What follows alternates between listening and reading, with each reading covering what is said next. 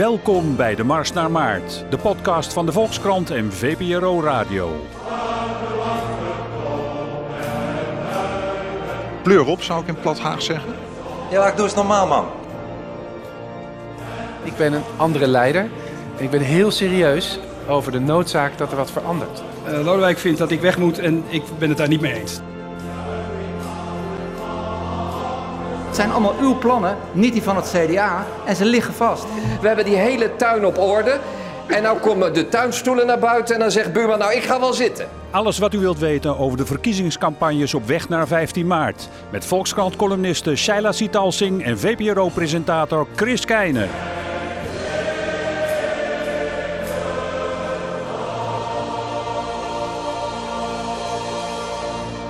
Ja, dag Shaila. Dag Chris. Goedemiddag. Het is uh, maandag 5 december, de eerste aflevering van onze podcast op weg naar de verkiezingen van 15 maart. Heb je er zin in? Ik heb er enorm veel zin in. ja. Het wordt een lange verkiezingscampagne, maar volgens mij ook een hele leuke. Ja, nou even voor de duidelijkheid. Jij, jij hebt lang in Den Haag gewerkt, hè? Wanneer ongeveer? Ja, ik heb in Den Haag gewerkt onder het vierde kabinet Balkenende. Dus dat is alweer de grijze oudheid voor heel veel mensen. Dat is uh, zeg maar rond 2006, 2007, 2008, rond die periode. Oké, ja. En nu ben je weliswaar geen parlementaire verslaggever meer, maar je volgt alles wel op de voet. Ik volg de berichten uit Den Haag ook met nog meer belangstelling dan anders. En nou, vanuit die posities gaan we uh, voorlopig eens in de twee weken de, de campagnes uh, doornemen. Zullen we maar eens groot beginnen? Wat staat er eigenlijk op het spel bij deze verkiezingen? Wat zijn de grote vragen? Oei, dat is meteen inderdaad een hele grote vraag. Normaal gesproken um, komt het altijd neer op een beetje uh, koopkracht meer of minder en de doorrekeningen van het Centraal Planbureau. Ik denk dat het dit jaar net een slag anders ligt. Dat er inderdaad grotere vragen voor liggen. Het gaat heel erg over uh, culturele eigenheid en wie zijn wij. En Mhm. wat je met een groot woord ook identiteitspolitiek zou kunnen noemen. Uh, uh, hoe nationalistisch zijn we, moeten we zijn. Emancipatie van allerlei groepen. Hè. De, de, de, boze burger emancipeert zich. Maar aan de andere kant zie je bijvoorbeeld ook bij een beweging als Denk... dat de, wat, voor, wat we voorheen de allochtonen noemden... En tegenwoordig mensen met een migratieachtergrond, dat die zich ook emanciperen. Dus er spelen nu hele andere vraagstukken, veel meer van culturele aard. Ja. En uh, nou ja, dat, dat is, dat, daardoor krijg je een heel andere dynamiek in die campagne. Ja, en, en op sociaal-economisch gebied denk, denk ik dat, dat er ook een grote vraag is. We hebben natuurlijk eigenlijk gewoon uh, twee, ruim twee decennia van, van ja, uh, wat, wat dan neoliberaal beleid heet. Hè? Veel marktwerking, uh, veel privatiseringen. Daar begint ook een soort omslag in te komen dat, dat partijen daar zeker aan de linkerkant anders over gaan denken. Hè? Ja, zeker. Dat zie je ook. Um, een van de grote vragen die nu voor ligt is uh, wat moeten we met die arbeidsmarkt? En dat is niet zomaar een dingetje van nou, moet, moet je de cao's wat, uh, wat langer laten lopen of wat korter, waar het vroeger over ging. Maar het gaat nu echt over nee, wat doe je met zelfstandigen? Wat doe je met mensen aan de onderkant? Moeten we nog wel vaste contracten? Dus er moet een heel nieuw ontwerp eigenlijk komen voor die arbeidsmarkt. Dus dat is echt een groot fundamenteel ding. Je ziet het in de sociale zekerheid, waar het niet langer meer gaat om hoeveel kun je er nog afschaven en uh, uh, nou ja, weet je, wat kun je er nog verder aan uitkleden. Maar daar liggen ook hele fundamentele vragen over. Hè. De zelfredzame mens is de norm geworden. Hè, wat, wat, wat, wat moet je met de mensen die zich niet zelf kunnen redden? Voor wie is de overheid er eigenlijk? Wat moet het antwoord van de sociale zekerheid daarop zijn? Mhm. Daar zou eigenlijk ook een heel nieuw ontwerp voor moeten komen. Dus het zijn hele fundamentele vragen die voor liggen. Ja. En die globalisering en die vrijhandel, ja, dat, dat ligt ook heel erg in het verlengde van die, die identiteitspolitiek en wie zijn we en wat is nog van ons en wat is niet van ons. Daar, daaronder zit ook een soort onderstroom van wantrouwen tegen ja, alles wat van buiten komt. En daar valt de Europese Unie onder, maar er vallen ook vrijhandelsverdragen onder. Ja, ja. Goed, nou, laten we deze eerste aflevering gewoon maar even uh, het lijstje afwerken van de partijen en, en hun standpunten en hoe ze tot nu toe daarmee omgaan in de campagne. Um, en dan gewoon maar even netjes in de volgorde van de, van de huidige stand in de peilingen. Trouwens, kijk jij nog naar de peilingen na Brexit en Trump? Ja hoor, ik kijk uh, altijd naar peilingen. Peilingen zijn natuurlijk geen voorspellingen voor wat er gaat gebeuren, maar ze zijn wel een, ja, op zich een heel prima weergave van hoe de mensen op dit moment over dingen denken. En wat ik uh, fijn vind als ik naar de Nederlandse peilingen kijk, is om de peilingwijzer te nemen. En dat is een soort samenstelling van alle verschillende peilingen die gedaan worden in, uh, in Nederland. En dan krijg je een heel aardig beeld van ongeveer hoe de verhoudingen liggen tussen die verschillende partijen nu op dit moment. Ja, ik heb hem hier voor me, dus we gaan dat lijstje even af. Nou, dan beginnen we met, met, met de grootste. Dat is niet helemaal duidelijk. VVD staat op 26 tot 30 zetels, PVV op 23 tot 27. Dus nou, die, die liggen min of meer gelijk. Um, wil ik toch met de PVV beginnen, omdat die toch het meest in beeld is eigenlijk op het ogenblik. Um, ja, wat, wat is de belangrijkste positie van, van, van Wilders in, in dat uh, vragenveld zoals je het net geformuleerd hebt? Gaat het bij hem heel erg om, om de identiteit of gaat het bij hem heel erg om die arbeidsmarkt? Uh, hoe opereert hij? Nou, hij zit vooral nou ja, op klassieke PVV-thema's als uh, anti-immigratie en dan met name uh, de islam. Hij heeft een heel kort programma gepresenteerd, zo'n A4'tje, uh, heel helder. Daar zagen we een paar kernpunten op. Ja, dat, dat zijn dingen als de-islamisering van Nederland, tegen de massa-immigratie. we willen uit de EU. Hij noemt dat ook de onafhankelijkheid van Nederland. Dus mm. dat zit heel erg allemaal in dat hoekje van uh, identiteitspolitiek, nationalisme, wie zijn we, wat is nog van ons en, enzovoorts. Um, en wat betreft het sociaal-economische domein uh, zit hij heel erg in de, ja, wat, je, wat je een beetje de conservatief linkse hoek zou kunnen noemen. Hè? De ja. AOW moet terug naar 65, de huren moeten omlaag, uh, het eigen risico uit de zorg moet weg. Um, dus ja, het is een, een combinatie van uh, nostalgie naar um, uh, vroeger in de sociaal-economische hoek.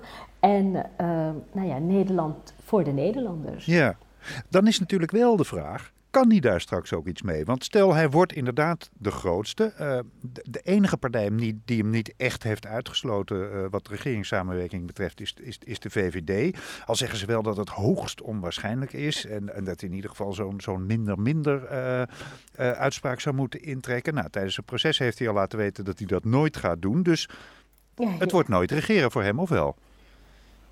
Uh, nou, de kans is klein, omdat het, zoals het er nu naar uitziet, uh, zal er straks een, een, coalitie nodig zijn van drie à vier partijen, misschien zelfs wel meer. Je hebt het al gezien nu onder Rutte 2, dat hij steeds uh, allerlei wisselende meerderheden nodig had om überhaupt uh, dingen er doorheen te kunnen krijgen. Dus de PVV zal niet alleen afhankelijk zijn van de VVD. Zelfs als de VVD besluit, uh, nou ja goed, we, we, vinden de, VVD, de PVV niet zo heel vies, we gaan wel met ze in zee. Dan nog hebben ze het CDA nodig, D66, ja. andere partijen die in die middenmoot zitten. Dus uh, dat is weinig waarschijnlijk. Ja, dus maar, volgens deze peiling zouden maar, ze maximaal samen 57 zetels kunnen halen, dus dat is nooit een meerderheid, nee. Nee, daar ben je er nog lang niet, want je hebt er 76 nodig, wil je een, een verzekerd zijn van de meerderheid in de Tweede Kamer. Dus dat ligt niet voor de hand. En er zijn wel erg, het CDA heeft enorm trauma opgelopen van de gedoogconstructie ja. uh, van het vorige kabinet. Dus ja, dat lijkt allemaal vrij onwaarschijnlijk. Maar wat de PVV uh, wel doet, wat wel het effect is van de PVV, is dat ze andere partijen uh, hun kant op trekken. Je ziet het bijvoorbeeld in de VVD, ja. de, de, partij die nek aan nek gaat met de PVV in de peilingen, uh, dat zij ook heel erg inzetten op ja, wat, wat je dan beschaafd nationalisme zou kunnen noemen. En dat is eigenlijk helemaal niet des VVD's. Hè. De VVD is van, van oudsher de partij die is op grenzen. een beetje de vrije markt. Ja. Ja, open markt in elk geval, vrijhandel, absoluut. Uh, over migratie hebben ze altijd een beetje wankelmoedig standpunt ingenomen. Zijn we nou voor of zijn we nou tegen? Er zijn verschillende stromingen van oudsher in de VVD. Ja, onder Bolkestein heb je wel uh, periode gehad van uh, ja, wat, wat, wat meer cultureel conservatisme, zou je het kunnen noemen. Maar er is altijd in de VVD ook een hele sterke stroming geweest van de ja, Ben Verwaaien-achtige types. Ben Verwaaien is een belangrijk adviseur van ja, Mark Rutte, groot ondernemer, uh, topman, telecom. Ja, ja. oud-topman van Telecom, uit de telecombranche. mee, heeft meegeschreven aan, aan programma's en beginselprogramma's en dergelijke. Nou ja, die stroming, hij staat voor een stroming in de VVD die er ook nog gewoon is. Die is van internationale handel en uh, goederen moeten vrij kunnen stromen en zo. Dus van oudsher was de VVD daar wat van kon moedigen. Van willen we nou de grenzen open of dicht? En waren ze heel erg van de vrije markt en ruim baan voor asfalt en een beetje veiligheid en, uh, en, en, politie op straat. En nu in haar nieuwe programma zit er heel erg, ja, het, het is een, ja, een soort beschaafd nationalisme zou je het kunnen noemen. Ik heb het burgermansfatsoen genoemd in een van mijn columns. Als een soort fundamentele waarde. Van, uh, ze zijn heel erg op zoek naar een soort collectief wij, formuleren ze ook in hun verkiezingsprogramma. Van, ja, wij zijn allemaal hele nette mensen die eh, vroeg opstaan om naar het werk te gaan en we zorgen voor onze familie en onze vrienden. Een soort, soort burgerlijk ideaal. Uh, wat je eerder bij het CDA zou verwachten. Hmm. Wat zij nu in hun verkiezingsprogramma formuleren. Dat vind ik heel interessant. En dat is omdat ze positie in ja, wat je de cultuurstrijd of de cultuuroorlog zou kunnen noemen. Uh, proberen in te nemen. Ja, en, en, en op die manier toch ook een beetje proberen die, die rechterflank af te dekken. Maar wat, werkt dat, denk je? Want ik denk bij dat soort dingen ook altijd: waarom zou je dan toch naar dat een beetje slappere aftreksel van de VVD gaan als je ook de echte PVV kan krijgen? Of, of zijn er wel mensen die juist die keus maken als de scherpe randjes eraf gaan? Ja, absoluut. Ik denk, eh, je zou kunnen zeggen, je, je kiest liever voor het onverdunde echte verhaal, dus ga je naar de PVV. Maar dat is toch nog steeds ja, niet sociaal geaccepteerd in heel veel kringen. En uh, ja, de, de, de, VVD zou het, het redelijke alternatief kunnen zijn voor Wilders. Voor mensen die inderdaad denken van ja, Wilders, dat vind ik toch net iets te wild dan zou uh, de VVD positioneert zich in elk geval heel erg als het uh, wat beschaafdere en redelijkere, redelijkere alternatief hmm, hmm. voor het PVV-geluid. Ja, maar goed, Waarbij dus... moet worden aangetekend dat ze economisch een heel ander programma hebben. Hè? Ik bedoel, Precies. afschaffing eigen zorg, AOW terug naar 65, dat zul je niet terugvinden in het VVD-programma. Want dat is dan wel weer echt gewoon door met dat neoliberale verhaal. Uh, goed, even de, volgende op de lijst. Dat zijn dan CDA en D66. Zit, zitten een beetje bij elkaar in de buurt. Uh, tussen de 15 en de 18 zetels worden ze allebei nu uh, op, op ingeschat. Ja. Eerst even D66. Altijd het redelijk alternatief geweest natuurlijk. Het meest uitgesproken het debat met Wilders gezocht. Juist op die, op die identiteitskwesties sociaal-economisch lijken ze een beetje naar links op te schuiven. Hè. Ze, zijn, ze, waren redelijk dicht tegen de VVD aangekropen daar, maar ik, ik zie ze een beetje de andere kant op gaan. Of zie ik dat verkeerd? Ja, nou ja, D66 is nog wel altijd van het economisch liberalisme. En dat uh, is, uh, ja, dat, ze zijn wel zoekende naar, nou ja, wat, waar zitten de scherpe randjes en hoe kun je er die nou, of moet je er die af willen halen en, en, en uh, moet dat, is dat nodig? Maar het is niet zo dat ze plotseling economisch heel links zijn geworden. Hmm. Beslist niet. En uh, uh, ja, ze, ze gaan nu de, de, de, de, de campagne weer in met Pechtold, waarbij je kunt afvragen of daar niet ja, een beetje de sleet op zit of mensen daar niet op zijn uitgekeken. Ja, dat, dat klinkt misschien uh, een beetje stom en oppervlakkig, maar dat speelt denk ik wel een rol. Dat mensen denken, ja, die Pechtold, dat kennen we wel, dat verhaal kennen we Nou ja, en misschien ook een beetje... een leuk programma hebben. Een beetje een oud D66-probleem, namelijk dat ze zo'n beetje een jaar voor de verkiezingen of drie kwart jaar voor de verkiezingen het heel goed doet in de peilingen en dan na, naarmate de verkiezingen dichterbij komen steeds verder wegzakken. Ja, het is een beetje, het is het redelijke midden is het geworden, D66. En eh, mensen zijn misschien wel een beetje klaar met het redelijke midden. Je weet het niet. Ik ben van het, wel af en toe, ja. die, die, die, dat idee zou je haast wel krijgen. Maar goed, wat je wel van D66 kunt zeggen is dat het heeft een beetje de oude CDA-positie ingenomen in het uh, politieke krachtenveld.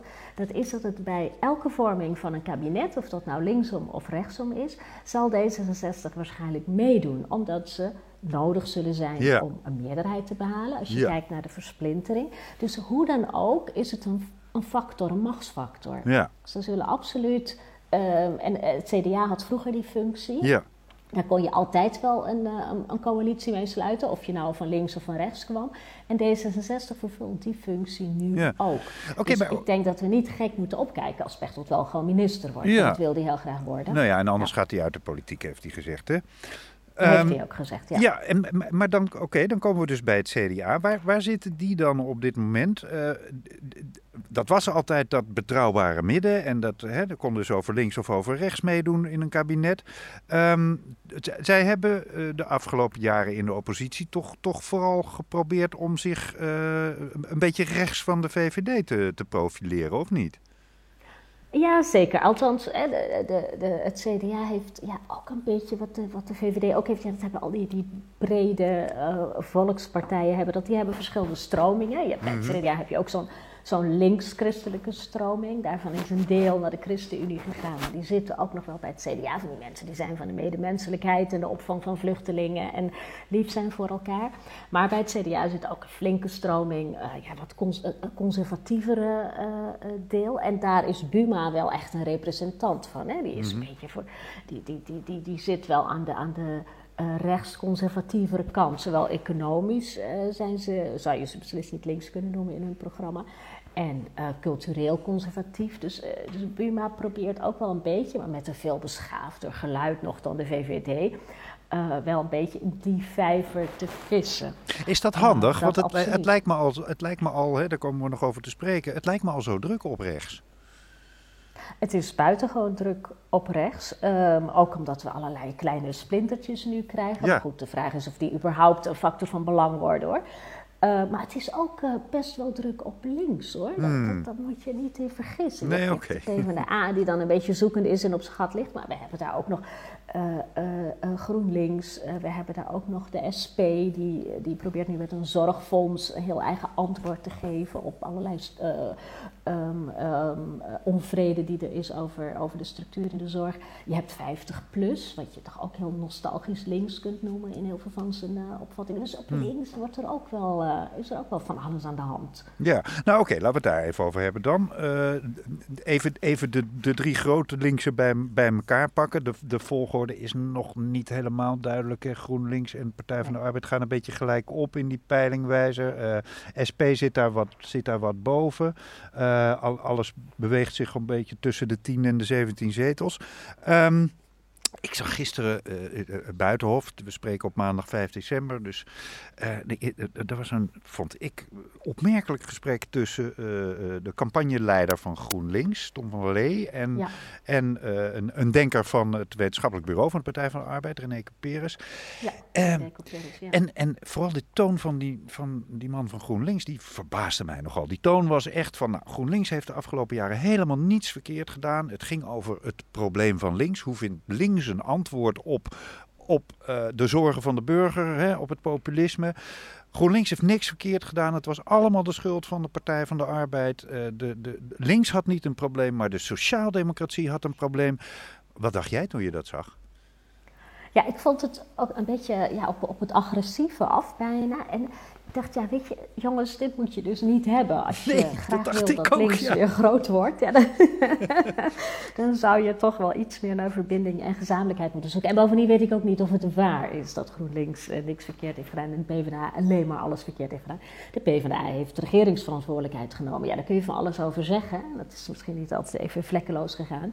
Maar goed, ze hebben het wel eh, gedaan. Ja. En, eh, alleen daarom al zou je ze wat iets meer krediet mogen geven. Nou ja, en als het gaat over, Ehm. over afscheid nemen van dat neoliberale beleid, waar, waar ja, de sociaaldemocratie inderdaad de afgelopen twintig jaar ook, ook een beetje in mee is gegaan met privatiseren en de derde weg. Maar ja, dat heeft GroenLinks toch ook gedaan? Ja, daar was GroenLinks niet bepaald tegen. En zeker onder Femke Halsema was GroenLinks een heel, zeker economisch opzicht, vrij liberale partij. Hè? Economisch liberaal. Ja. Je kon, ze, ze zaten heel dicht tegen D66 aan. Dus dat was, was een heel ander verhaal dan bijvoorbeeld de SP of bijvoorbeeld 50PLUS. Hè? Dat was echt, eh, GroenLinks heeft nooit veel met de vakbeweging gehad of met de issues die daar spelen. Dus in die zin, zeg maar sociaal-economisch, kun je GroenLinks niet echt heel erg links noemen. Eh, dat zijn ze in het verleden zeker niet geweest. En hoeders van de sociaaldemocratie al helemaal niet. Dat probeert Jesse Klaver nu wel te veranderen trouwens. Hè? Ja, ik vind dat wel heel geestig. GroenLinks heeft daardoor ook wel een beetje te imago gekregen van een eh, partij voor hoge opgeleide, een beetje groene D66'er, Ja, zeg maar. een bakfietspartij. En Jesse Klaver, Ja, en Jesse Klaver probeert uh, nu heel erg te benadrukken dat hij zelf uh, maar VMBO heeft gedaan en van uh, de Southside uit, waar is het ook alweer waar hij vandaan komt? In Tilburg, ja precies. Dus, het Chicago van Nederland, ja. Zoiets, ja. Gewoon een volksjongen die ook met honger naar school ging. Ja, dat laatste verzin ik erbij hoor. Mm. Maar in elk geval, hij probeert een beetje de gewone volkspartij uit te hangen. En eh, ja, de vraag is of dat uh, geloofwaardig is en of dat uh, gaat lukken. Ik denk dat ze dan toch wel iets te veel concurrentie van de SP hebben en, ja. en 50 plus en andere partijen. Ja, want, want hoe zit de SP daarin? Die, die zat natuurlijk echt gewoon verder, verder naar links. Zeker ook wat de standpunten over Europa betreft en, en arbeidsmigratie. hè, meer, meer daar toch een wat geslotener wereldbeeld, zal ik maar zeggen. Het lijkt mij dat zij ook daarin zijn veranderd. Is is er, eigenlijk nog wel heel veel verschil op die linkervleugel tussen, tussen GroenLinks en SP? Jawel, dat is er zeker wel. De SP, zeker sociaal-economisch. Weet je, de SP is nu ook gekomen met dat nieuwe plan voor een zorgfonds. Dat is een hele andere manier van het inrichten van het zorgstelsel bijvoorbeeld. Nee, dat is allemaal heel technisch, maar het klinkt allemaal heel sympathiek. En, uh, en ze weten daar ook wel ja, mensen te mobiliseren. Um, en ja, de SP is van oudsher natuurlijk veel meer een, een, actiepartij, veel meer een partij van de poten in de modder en bij de mensen aanbellen en, uh, en de stem van de volksrijk uh, vertegenwoordigen. Maar zijn ze dus, dat nog? Dus alleen al in, in stijl, ja, wel, dat denk ik wel. Okay. Um, je ziet in de peilingen, uh, doet het allemaal niet zoveel. Hè. Ze, zitten, ze zitten een beetje rond die 15 zetels, ja. schommelen ze. Ja. ja. maar goed, misschien is dat ook wel een soort natuurlijke, uh, natuurlijke electoraat van de SP. Dat zit misschien wel rond die 15 zetels. Um, want ze zijn er toch ook wel in hun programma heel erg voor de onderkant. En dat zijn niet zoveel partijen meer. Hè? Dat is uh, GroenLinks beslist niet. En dat is de Partij van de Arbeid een beetje vergeten. Er zijn niet zo heel veel partijen meer voor de echte onderkant van Nederland. Nee. En de SP probeert dat nog wel, hè, dat daar liggen ook hun wortels. En dat zie je toch nog wel terug in hun uh, standpunten en denkbeelden en hun, uh, nou ja, hun, hun, hun, hun activisme. Oké. Okay.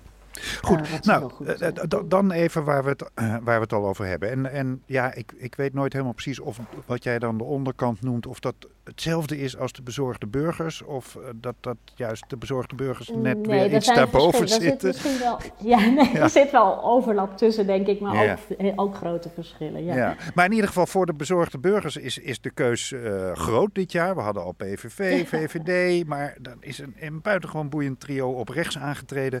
Jan Roos uh, van Voor Nederland, Thierry Baudet van het Forum voor Democratie en Jan Dijkgraaf van, hoe, hoe heet zijn nieuwe partij die vandaag geloof ik? Ja, geen geen, pijl gaat oh ja, geen pijl. Uh, heten, geloof ik. Ja, ja. ja. ja. Nou ja, ooit met z'n drieën waren ze natuurlijk uh, de, de, de, maatjes die het Oekraïne-referendum van de grond kregen. Roos en Dijkgraaf hadden een radioprogramma.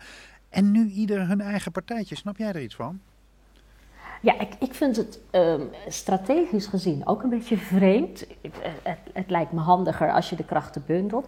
Uh, zeker omdat hun, um, uh, hun standpunten heel erg overeenkomen en omdat ze alle drie eigenlijk vanuit dezelfde boosheid, namelijk het Oekraïne-referendum is geweest en de premier doet er niks mee, ja. uh, zijn ze eigenlijk de politiek ingegaan. Dus ze hebben heel veel overlap. Het zijn ook, ze zijn ook bevriend en nou ja, ze hebben een gezamenlijke agenda.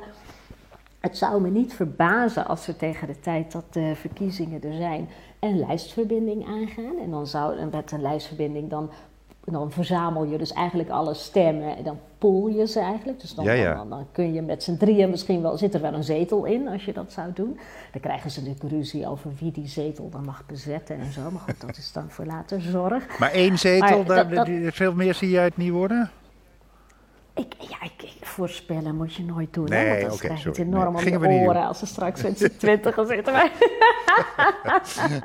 maar het zou zomaar nee. kunnen. Hè? Nee, ja, nee, dat gingen we niet doen. Oké, okay, maar dat, dat, dat, er zou dus nog wel een, een, een, verrassing kunnen komen voor de verkiezingen. Dat ze dan toch, toch uh, uh, uh, vrij diepgaand samen gaan werken.